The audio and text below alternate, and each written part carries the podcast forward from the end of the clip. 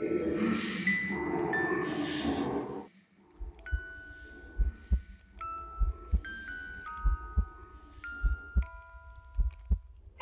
klanu Pestilence.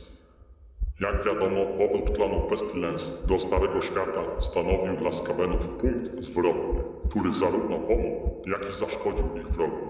Podczas pierwszej migracji klan dotarł do gnijących dżungli Lustri. Tam szczuroludzi zaatakowały paskudne choroby, które zdziesiątkowały ich szeregi. Jednak zaledwie w ciągu kilku pokoleń skaweny wyrobiły sobie odporność na te zabójcze zarazy i w istocie zaczęły postrzegać plagę jako prawdziwe dzieło rogatego szczura. Klan osiedlił się w starożytnej świątyni w środku lustryjskiego kontynentu i nauczył się wielu straszliwych rzeczy od jego zdegenerowanych mieszkańców. Poznał tajemnice rytów wciąż widocznych na ścianach odrażających katakumb. Z każdym pokoleniem klan Pestilence rósł w siłę, walcząc z wojownikami jaszczuroludzi w jaskiniach i otaczającej je dżungli. Skaweny zniewoliły tysiące istnień i złożyły je na ofiarę przeklętemu, rogatemu szczurowi, oddając się coraz większej obsesji religijnej i rytualnej. W końcu stały się oddanymi akolitami zepsucia, czcicielami zarazy, obdarzonymi przez rogatego szczura wizjami plag i śmiertelnych chorób. Po wyczerpaniu wszelkich zasobów okolicznych terenów, szczuroludzie stwierdzili, że nadszedł czas powrotu do ojczyzny w Starym Świecie. Wielka migracja klanu Pestilence i jego niewolników przebrnęła przez dżunglę do brzegów oceanu. Tu czciciele zarazy nakazali niewolnikom zbudować prymitywne barki, które miały ich przewieźć na drugą stronę wód. Tak też się stało i skaweny wylądowały w dalekich krainach południowych, gdzie założyły nową warownię. Potem wysłały emisariuszy do Skybendlight, aby ogłosili ich powrót i oznajmili przyjętą przez klan rolę kapłanów rozkładu, służących rogatemu szczurowi. Rada Trzynastu nie miała jednak zamiaru dzielić się władzą z grupą przybyszy. Nakazała zamordować wysłanników i odesłać ich gnijące ścierwa władcom zarazy, aby dać im lekcję pokory. W odpowiedzi czciciele zarazy zajęli ludzkie miasto Hagrusa, pozornie wyładowując swój gniew na najbliższej osadzie ludzi. Ale ich prawdziwy plan wyszedł na jaw, gdy oblegli ukrytą pod miastem skapeńską twierdzę. Wszelka komunikacja z odległą twierdzą natychmiast ustała. Zaniepokojona rada wysłała stado zwiadowcze, które dopiero po kilku miesiącach odkryło, co się stało z dawnym ludzkim miastem. Zastali je pozbawione wszelkiego życia i pełne zarażonych skapeńskich trupów. Ich ciała zostały spustoszone przez straszliwą zarazę. Czciciele zarazy otoczyli twierdzę klanu Merki wielkimi kadziami pełnymi wrzących odpadów i zgniłych ochłapów doprawionych spaczeniem, po czym użyli olbrzymich miechów, by wypełnić jaskinie pod miastem dławiącymi oparami, które niosły ze sobą wszelkiego rodzaju śmiercionośne choroby. Ci, którzy zbiegli na powierzchnię, zostali schwytani i zniewoleni. Jedynie Lord Merkit oraz garstka jego poruczników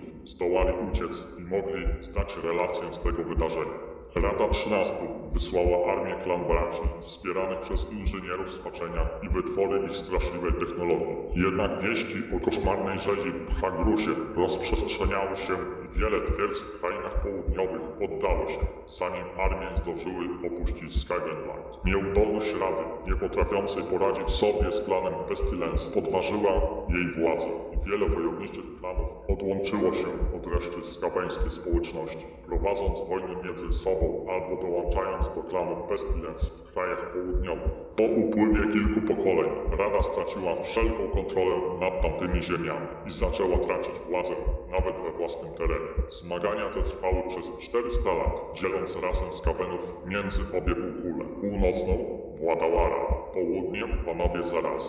Oportunistyczne klany regularnie przechodziły z jednej strony na drugą, wspierając daną frakcję tak długo, jak zapewniało im to jakieś korzyści. Rezultatem była niemal nieustanna wojna, która przez całe pokolenia pustoszyła krainy południowe. Wydawało się, że nic się nie zmieni, ponieważ każda strona wierzyła, że tylko ona jej sposób życia cieszy się przychylnością rogatego szczura. Wszystko jednak zmieniło się wraz z powrotem klanu Eshi. Wyszkoleni w Kataju w sztuce skrytobójstw, odziani na czarno mordercy potrafili przeniknąć do najlepiej bronionych siedzib i zabić najpotężniejszych wrogów, nie zostawiając żadnych śladów. Klan Eshin przysiągł wierność Radzie Trzynastą i natychmiast Wyruszył, by zniszczyć klan Pestilence. Przez całe pokolenia klan Eshin stosował strach i skrytobójstwa, sprowadzając niepokorne klany z powrotem pod kontrolę Rady i powoli przełamując dominację klanu Pestilence w krainach południowych. Władcy zarazy zrozumieli, że zaczynają tracić grunt pod nogami, więc poprosili o posłuchanie całej Rady Trzynastów w Skybenline. Szarzy prorocy nakłonili panów rozkłady, by obiecali bezpieczeństwo dla posłów. I tak Nurglish, najpotężniejszy władca zarazy z klanu Pestilence, wyruszył na północ, by układać się z Radą. Naturalnie podczas podróży doszło do kilku prób zabicia wielkiego przywódcy, ale w końcu udało mu się dotrzeć do Skybenline. Ukorzył się i poprosił o przyjęcie do Rady, oferując panu zepsucia służbę klanu Pestilence. Jako dodatkową gwarancję Nurglicz wyjawnił, że on i jego uczniowie mogą w każdej chwili wypuścić zarodki żółtej gorączki czaszkowej. Zagroził, że w przypadku jego śmierci lub braku porozumienia zostaną one uwolnione. W ten sposób eliminując całą Radę i być może sporą część rasy skabenów. Panowie zepsucia przyjęli z powrotem klan Pestilence, a Nurglicz otrzymał miejsce w Radzie. Chociaż setki lat wojny domowej umożliwiły rasom na powierzchni życie wolne od plagi skabenów, ostateczna cena, jaką za to zapłaciły, była nader wysoka. Do arsenału skabenów dołączyła plugawa sztuka władców zarazy.